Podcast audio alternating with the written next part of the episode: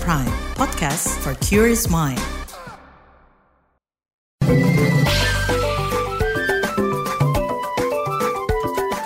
What's up Indonesia?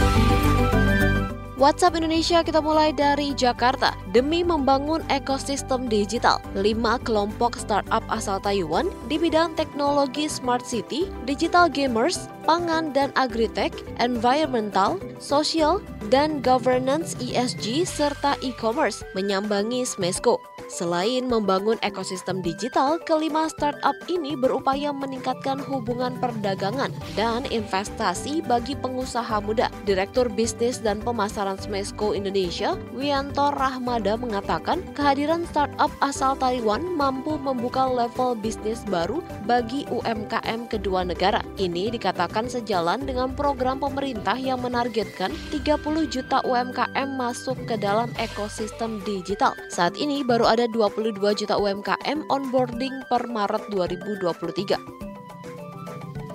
Selanjutnya menuju Solo, pemerintah kota Solo memastikan jadwal konser di Stadion Manahan tidak akan mengganggu persiapan pagelaran Piala Dunia U17.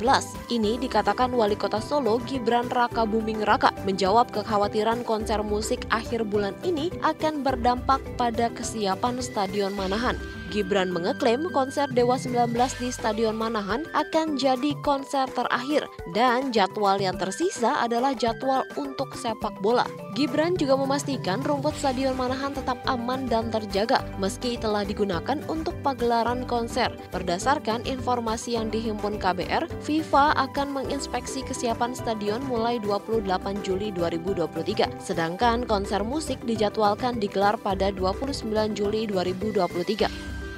Terakhir kita ke Bali. Menteri Pariwisata dan Ekonomi Kreatif Menparekraf Sandiaga Salahuddin Uno menyoroti pembangunan proyek lift kaca tertinggi Glass Glass Viewing Platform yang akan dibangun di Pantai Kelingking Nusa Penida Bali. Sandi mengkhawatirkan aspek keamanan dan keselamatan lift yang rencananya akan dibangun setinggi 182 meter. Selain aspek keamanan, Sandi juga menyoroti soal aspek keberlanjutan kebersihan dan kesehatan. Sandi meminta Dinas Pariwisata Bali mengawal aspek-aspek tersebut selama pembangunan dan setelah lift beroperasi. Dia berharap lift tersebut dapat mengutamakan kearifan lokal dan tidak mengganggu keindahan alam di Pantai Kelingking. Demikian WhatsApp Indonesia hari ini.